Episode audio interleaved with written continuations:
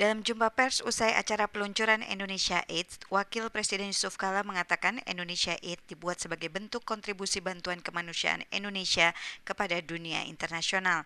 Kala mengatakan adanya lembaga Indonesia Aid juga sebagai upaya Indonesia dalam meningkatkan diplomasi dan kerjasama ekonomi internasional. Indonesia sebagai negara dengan perekonomian yang besar dan merupakan anggota G20 sudah semestinya memiliki lembaga pendonor dana dan bantuan untuk negara lainnya. Selama ini kalau kita ketemu dengan eh, negara lain, selalu kita berpikir apa saya dapat. Sekarang kita harus juga berpikir apa yang saya dapat berikan, apa yang harus kita berikan.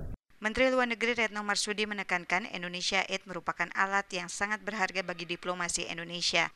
Indonesia Aid juga adalah perangkat diplomasi yang akan memperkuat posisi dan peran Indonesia di dunia internasional.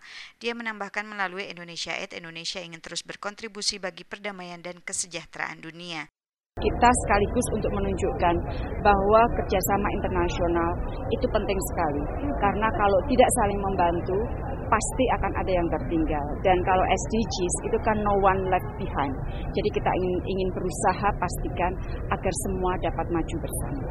Retno mengatakan dana Indonesia Aid ini akan terus bertambah setiap tahun.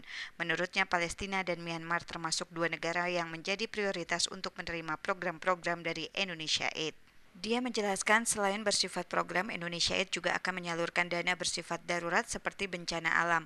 Untuk tahun ini, Indonesia Aid telah menyalurkan dana program kepada lima negara di Pasifik Selatan dan dua negara di Asia Tenggara. Namun Retno tidak menyebutkan negara mana saja. Menteri Keuangan Sri Mulyani mengatakan sumber finansial Indonesia Aid akan disediakan dalam bentuk dana abadi. Adapun alokasi dana abadi untuk bantuan luar negeri pada 2019 mencapai 2 triliun rupiah.